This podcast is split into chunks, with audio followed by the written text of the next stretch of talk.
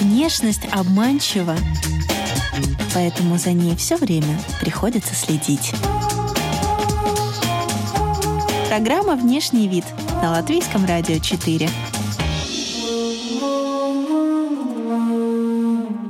Здравствуйте, дамы и господа! Вы слушаете радиопрограмму и подкаст о красоте и моде «Внешний вид». Здесь мы изучаем влияние внешнего вида на все сферы жизни героев, узнаем о новых трендах и отвечаем на такие вопросы, о которых вы раньше даже не задумывались. Приглашаем и вас присоединиться к этому интересному опыту. У микрофона Алиса Орлова. Далее в выпуске вы услышите. Таким образом, в разные стили мы вкладываем, скажем, разный имидж. Платки, да, они передаются буквально по, по наследству, потому что он должен быть большой, он может быть тяжелый, до полтора килограмма. Обязательный атрибут этого танца – веер. С батой декола, это, знаете, такая большая длинная юбка, очень красивая, с длинным хвостом. Смотрели фламенко, это уже очень красивые руки всегда – 16 ноября отмечается Международный день фламенко. Именно в этот день, в 2010 году, ЮНЕСКО признала фламенко объектом нематериального всемирного наследия. И к этой теме мы прикоснемся сегодня, тем более, что с нами в программе и подкасте такой замечательный гость. Лигита Аудере, танцовщица, преподаватель, жила и училась фламенко в Испании. Здравствуйте. Здравствуйте, добрый день, Ола, буэнос диас. Лигита, давайте вот с этого погружения в танец прямо начнем. Фламенко – это несколько жанров. А фламенко Э, состоит из многих, э, многих э, стилей фламенко, так называемых палос. Но вообще составляющие фламенко – это обязательно музыка, токаор – этот человек, который играет на гитаре, который отбивает ритм. А кантаор – это певец, и байлаор или байларина – это тот, который солист, который танцует. Да, вот это как бы три единства. А каждому стилю соответствует соответствует свой внешний вид? Ну, чаще всего, да. Есть такие классические, которые пуры, фламенко, когда, скажем, ну, фламенко, традиционная одежда, там, скажем, без особых как бы выделяющихся деталей, но э, Обычно это обязательно гладко, там, например, зачесанные волосы, которые могут растрепаться в процессе, э, в процессе танца. Это длинная юбка. Бывает, правда, некоторые стили, где позволительно одеть э, женщине штаны, брюки, вернее, брюки. Да, различные аксессуары. И если в традиционном, э, в принципе, можно танцевать фламенко без аксессуаров, то есть много, развиваясь, это искусство обогащалось и технически, скажем так, э, овладевало различными аксессуарами. Это и большой платок, это и кастанеты, кастануэлос э, по-испански, и, скажем, можно даже просто себе аккомпанировать щелчками пальцев или отбивать ритм ладонями. Причем отбивать ритм ладонями тоже надо уметь, потому что нужно определенный звук, э, скажем так, получить. Да? Либо это глухой звук, либо это звонкий звук, да, по-разному. Таким образом, в разные стили мы вкладываем, скажем, разный имидж. Да, вот наполняем вот этот стиль своим характером. Почему нельзя представить, что то в Испании кто-то танцует фламенко в спортивном костюме? А, нет, я этого видела много раз в тренировочном зале.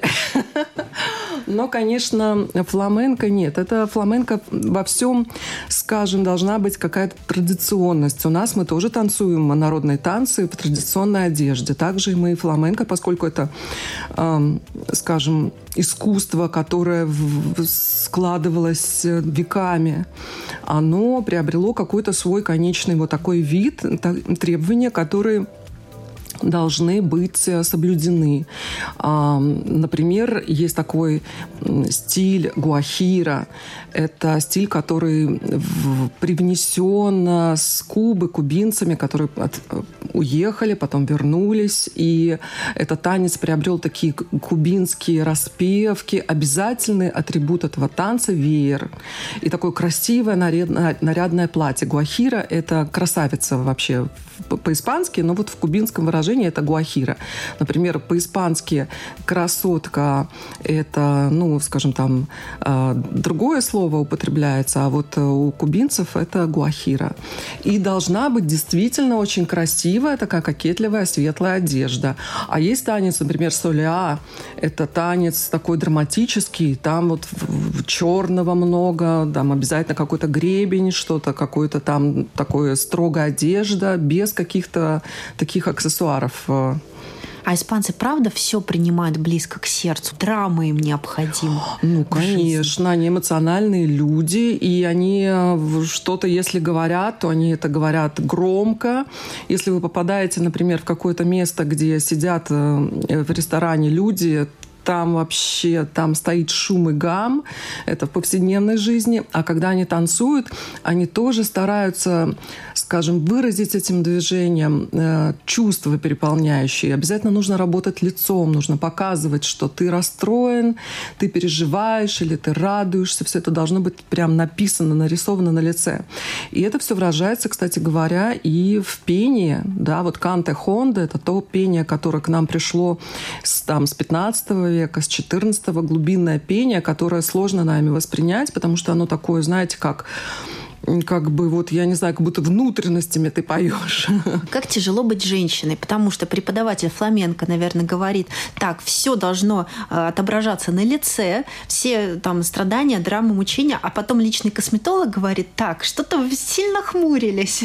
Ну да, да, да. Если, скажем, какие-то интересуют ботоксы, инъекции, то эта вещь будет недолговечная, потому что, скажем, вот там, когда нужно хмурить брови, а их нужно. Вы, наверное, видели, когда танцовщицы, они прям вот такие все, у них наморщенные, наморщенные лбы, злые глаза, типа такие злые, знаете, выражающие какое-то недовольство, высокомерие, может быть. Да, там, скажем, есть проблема. Но да, лицо должно быть живым. Даже вот э, если мы берем какое-то более, какую-нибудь там бачату, все, там просто, ну, лицо, ты улыбаешься улыбаешься. А здесь нужно действительно все оттенки чувств выразить.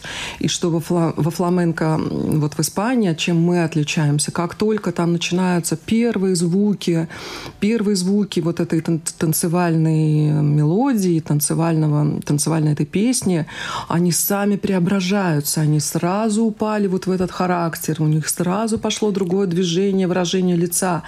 Но мы здесь этого не умеем, нам нужно учиться, и сложно этому научиться.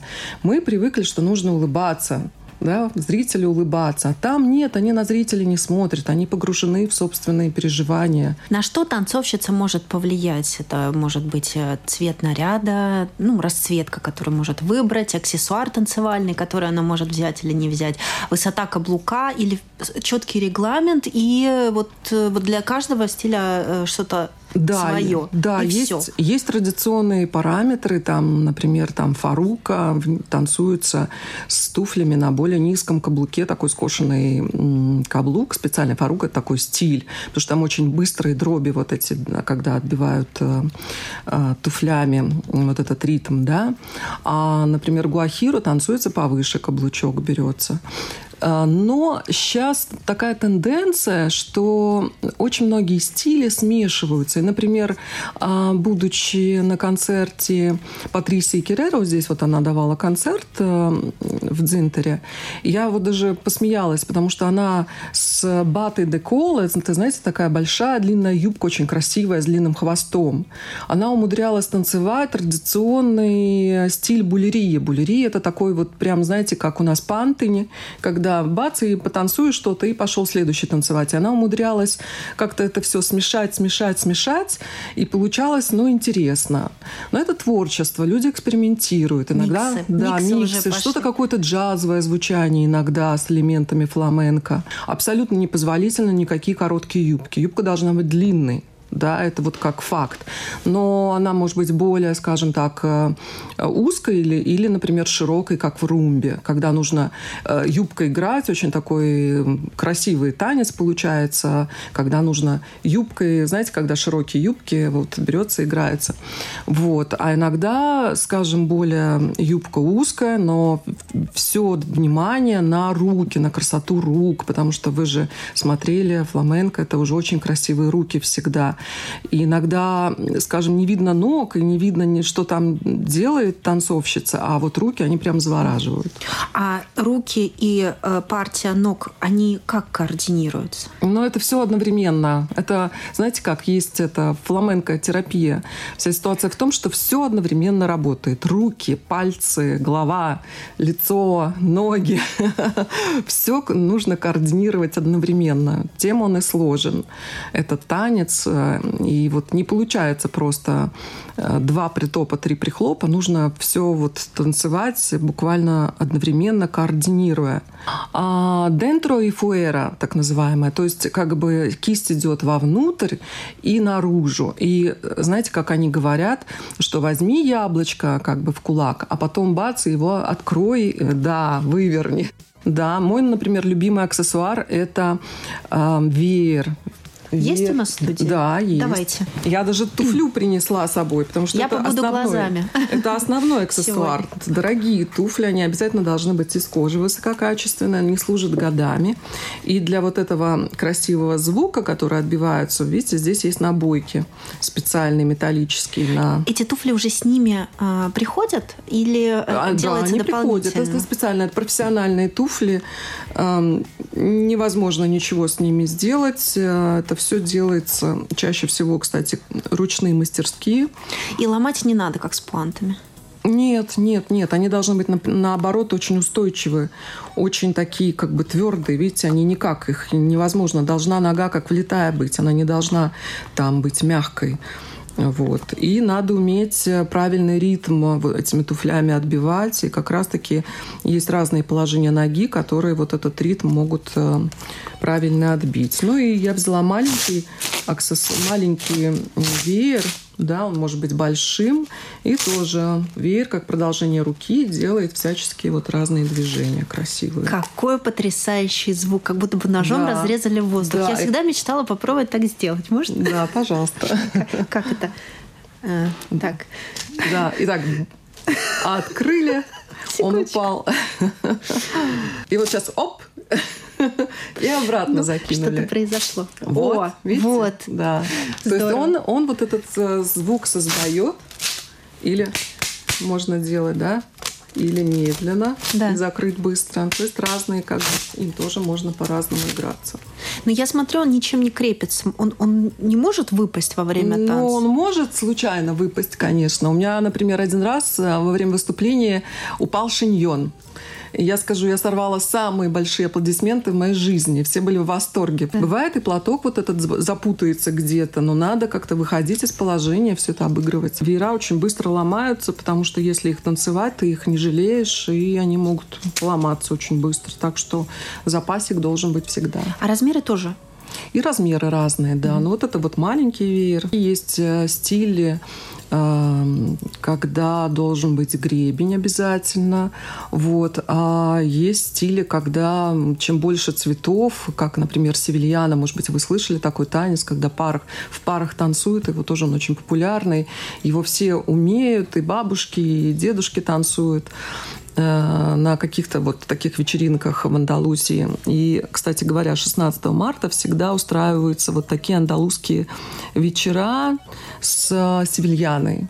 Вот это прям как вот, знаете, как, как у нас, э, ну, праздник песни, наверное, у нас все-таки более грандиозный, но всегда такие ве- вечеринки с э, танцами севильяна. И э, там очень много должно быть цветов, потому что это танец радостный, партнерский. Очень редко, когда есть э, танцы с партнером. Вот это севильяна один из таких вот нечастых случаев, когда в партнере, с партнером ты танцуешь. Потому что обычно это соло, это такое, знаете, как индивидуальное переживание, и никто не должен мешать этому.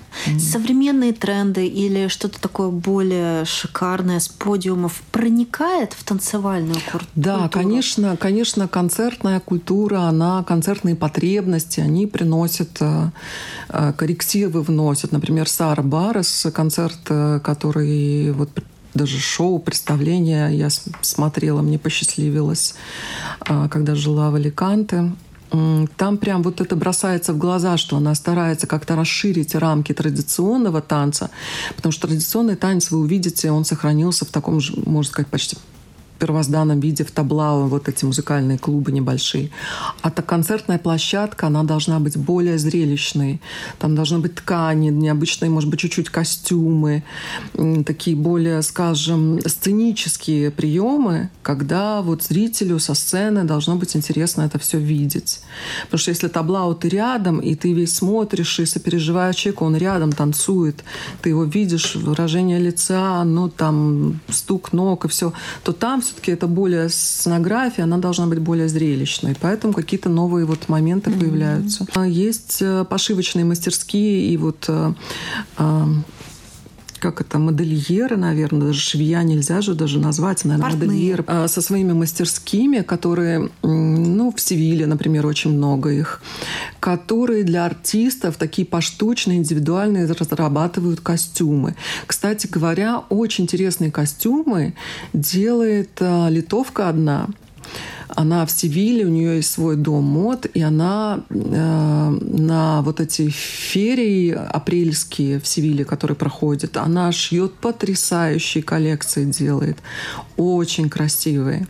Вот. И, как ни странно, некоторые, несколько иностранцев, э, вот мне говорили, еще там кто-то из иностранцев тоже делает. Но, в принципе, все вот эти наряды, они очень красивые, и, конечно, это не китайское производство. Китайское производство, кстати говоря, тоже можно купить, но это будет какая-то юбка тренировочная, что-то типа такого. А если ты хочешь уже как выступать, то это будут, конечно, испанские дома мод, мастерские, может быть, так да. их можно назвать. Я смотрела какие-то видео, но мне кажется, это было связано все-таки с бальными танцами, когда или даже это было связано с танцами а, когда под водой, когда синхронное плавание, да. да. В общем, кто-то показывал, как снимает такую, как даже вот эту прозрачную корочку такую с головы. Ну, то есть настолько все зафиксировано. Вот и вот для вот как женщина женщине расскажу. Первый, значит, э, как это, лайф Хак. Хак. Как мне, меня научили вот в Испании. Говорит, ни в коем случае нельзя перед выступлением мыть голову. Тогда они будут легче уложены, так более, скажем, гладенько. Так обязательно нужно поверху вот специально это средство нанести. Да. Тогда будет гладкая, хорошая голова. А в Испании есть, может быть, какая-то даже ниша в бьюти-индустрии, специально нацеленная на танцовщиц фламенко? Косметики для волос, э, грима? Ну, грим для сцены, видите, он, в принципе, ну, у всех артистов э, существует такой вот как бы общепринятый. Просто, может быть, метод нанесения есть, знаете, там японский театр по-своему наносится, да, там белое лицо и все такое.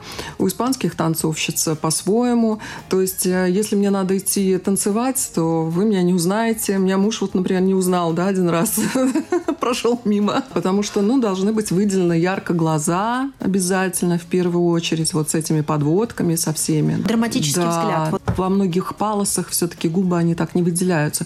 То есть они должны быть, может быть, очерчены, но, ну, может быть, не такие яркие. Бывают, конечно, например, Севильяна радостная, про которую рассказывала. Да, это яркие губы, яркие цветы. А, например, Фарука или Соля, ну, там просто яркие губы неуместны. Там нужно все-таки приглушенный такой цвет, да. Вот. Но зато должны быть глаза. В Испании наверняка сохранилось что-то, что у них вот из бабушкиных сундучков. В чем внучки могут танцевать. Да, да даже платок. Да, платок имеет свои параметры для танца. Это дорогая вещь. Самый дешевый платок, ну, не знаю, хорошо, если вам повезет за 150 евро его купить. Обычно это так 300 там плюс. И платки, да, они передаются буквально по, по наследству, потому что он должен быть большой, он может быть тяжелый, до полтора килограмма. Получается, что танец этот, чтобы себя одеть, скажем, на первом этапе вроде много не надо, там только туфли, а дальше уже, когда ты хочешь э, себя развивать, то начинаются уже закупки. Мантон, платок, да, все, это дорогая вещь. Бата де кола – это вот э, юбка с длинным хвостом. Да, это дорогая вещь. Можно через вторые руки или у кого-то там перекупить. Когда мы с вами познакомились в Калсимском да. квартале, я помню, вы были э, в платье в горох. Что я там танцевала, я не помню. Я может точно быть. помню, что был такой крупный горох, очень притягивала взгляд. И, кажется, красные элементы. Цветовая палитра тоже передает какие-то смыслы. Фламенко с черным и с красным ассоциируется, а, классически. Ну, черный, наверное, по преимуществу черный черный, да, плюс дополнительно красные аксессуары, например. Ну и потом начинаем. Вот какой-то палус, уже можно, я не знаю, быть какой-то где-то там цвет и светлый, как гуахира, красотка, аллегрия, тоже очень такой радостный. Аллегрия – это радость, да, переводится. Тоже с таком приподнятом настроении, такой горцующий танец. И там тоже уже могут быть разные цвета. И у меня, например, есть в, и такие, знаете, в костюмах и такие оттенки зеленого с синим, разные оттенки. У меня есть розовые, вот и, и там как что-то светлое. То есть Но синий вам глазам прям. Ну да, что-то можно какие-то брать э, еще оттенки, но смотреть надо четко на палус. Вспоминаю, когда я смотрела выступление на экране, может быть, это совпадение, но обычно свет приглушенный. То есть создается такая камерная обстановка. Ну да, зависит тоже, конечно, и приглушенная, но, например, обязательно должен тогда выделяться либо солист, либо группа. Вот мы сейчас будем, кстати, у нас будет скоро концерт в Дворце культуры ВФ. Там будет в основном концепция, что э, здесь наши танцоры танцуют. Вот у меня тоже сольник будет. А я буду сольник танцевать. Мне придется, знаете, концепцию воплощать Торадора, поэтому я буду в штанах. Да. Да, то есть я буду танцевать такой палос, э, который, э, знаете, допускает вот это вот изобразить что-то такое тарадорское, потому что задача была э, у организатора сделать что-то, какую-то картинку к теме Турадора. Вот. И меня попросили, я вот подобрала этот танец, и для Тарадора, конечно, у меня будет не юбка, а штаны. Фламенко допускает такие вот э, гендерные игры. Ну, э, может быть, отчасти, вы знаете, наверное, это только вот в этом фаруковском, э, фарука стиле. Ну вот я взяла, но это как бы задумка сценическая, да. А Фарука, потому что получается, что весь стиль о том, как женщина взяла непостильную мужскую ношу. Чуть-чуть можно, но так не сильно увлекаться. А вот я сейчас подумала, да, фламенко – это про такую э, роковую женщину, про ее рассказ, про ее историю, но и феминистского в этом же тоже много. Очень много. Про мужчину, кстати, тоже мужчины же сольные танцы, и очень много мужчин таких известных э, танцоров. То есть, э, э, вот смотрите, как получается в таблау. Например, два солиста, да, обычно, мужчина и женщина. Ну, бывает, конечно, и две женщины. И у них есть два начинающие и завершающие танцы парные, а скажем, вот вся остальная часть, это женская часть, отдельно и мужская, индивидуальная. То есть все-таки танец это такой индивидуалистический фламенко. Он э, даже эгоцентрический, я бы сказала. Человек на себе вот зациклен, женщина в своих переживаниях, но ей женщине надо показать и красоту, красоту свою, рук, плюс во всем контрасты, вот медленное движение и потом очень быстрое, очень острое, и опять медленное движение, опять быстрое, но это медленное движение, оно тоже идет как через сдавливание пружину с такой, с такой, с такой, знаете, силой. Это не просто ты медленно двигаешься, ты вот как бы преодолеваешь когда-то говорят, и вот я читала историю фламенко, в 15-16 этот танец зарождался, босиком танцевали, а потом уже придумали, что уже в туфлях, чтобы отбивать какой-то ритм было бы легче. Mm-hmm. Вот, и тогда уже набойки, культура вот этих вот туфлей. Должна быть какая-то своя, да, культура такая в одежде. Но насколько это целомудренно именно? Ну, я бы сказала, что фламенко такой целомудренный танец все-таки. Он не откровенный, это не танец живота. Здесь нету такой задачи соблазнить мужчину. Здесь нет. Здесь действительно там женщины, кстати говоря, вот это такое Феминизация, правильно, да? Мне кажется, очень хорошо налегла вот на, на это фламенко. Показать собственную значимость, свою драму, собственное переживание. Чуть-чуть вот есть кокетство в Гуахире, в «Красотке». Там кокетство есть. Но тоже она знает себе цену. То есть она не будет заигрывать со зрителем. Сколько у вас костюмов? Ой, ну шкаф даже не знаю, я вот так не пересчитаю сразу. Ну, шкаф. Ты должен обеспечить те палосы, костюмами, которые ты танцуешь.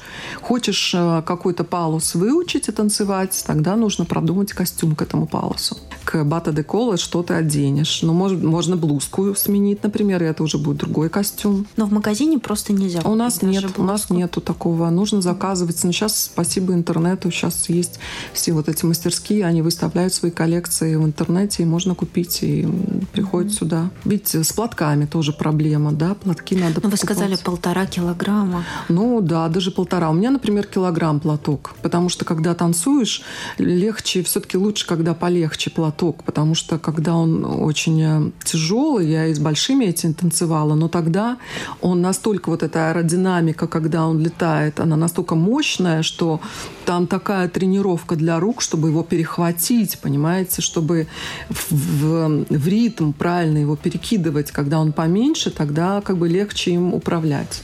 Еще хотела спросить, вы рассказали вначале про звезду фламенко, которая приехала когда-то в концертный зал Зинтер да. с концертом.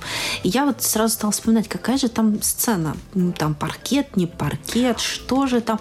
И вот, наверное, а, как еще один такой аксессуар, что ли, профессиональный, это, возможно, есть такая дополнительная площадь. Пол, да, да, пол. пол, который возят. Да, с полом тоже, да. Требования к полу всегда, значит, в тренировочном зале нужно либо на настил делать соответствующий специальный, либо подбирать себе какой-то пол, на котором можно заниматься, который не сильно скользит, который там скажем так, мы же все-таки это технические достаточно удары по этому полу.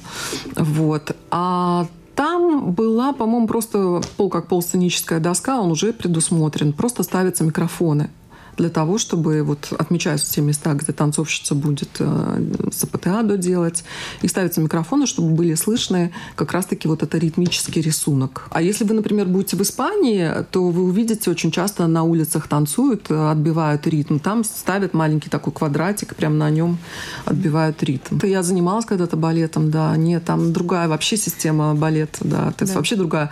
Вверх летишь, а в фламенко все время ты вниз, ты привязан к земле приземленная красота? Она приземленная, она приземленная. Это вообще, в принципе, искусство-то, оно, знаете, если все-таки балет, он создан людьми, хореографами, да, много что вот созданного.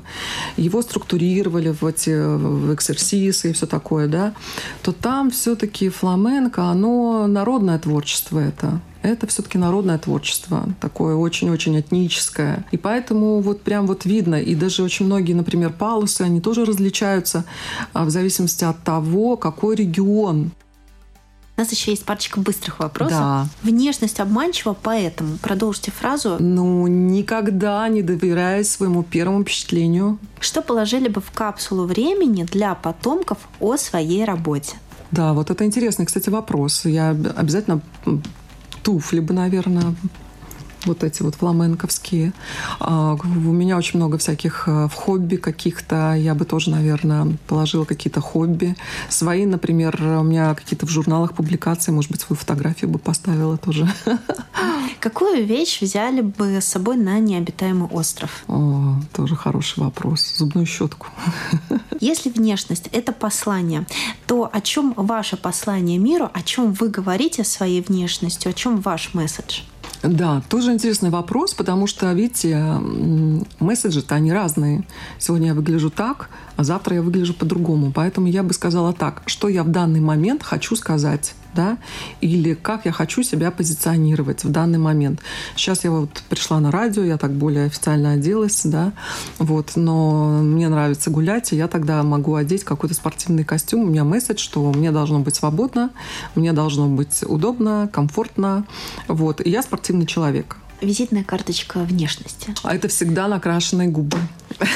Спасибо за приятную беседу. Я очень надеюсь, что после нашей беседы людям интересно будет э, посмотреть какие-то выступления и насладиться этим танцем таким эмоциональным и страстным. Спасибо большое. С нами была танцовщица, преподаватель Лигита Аудере. Друзья, вы слушали радиопрограмму и подкаст «Внешний вид». У микрофона была Алиса Орлова. До новых тем, новых героев, новых трендов. До свидания.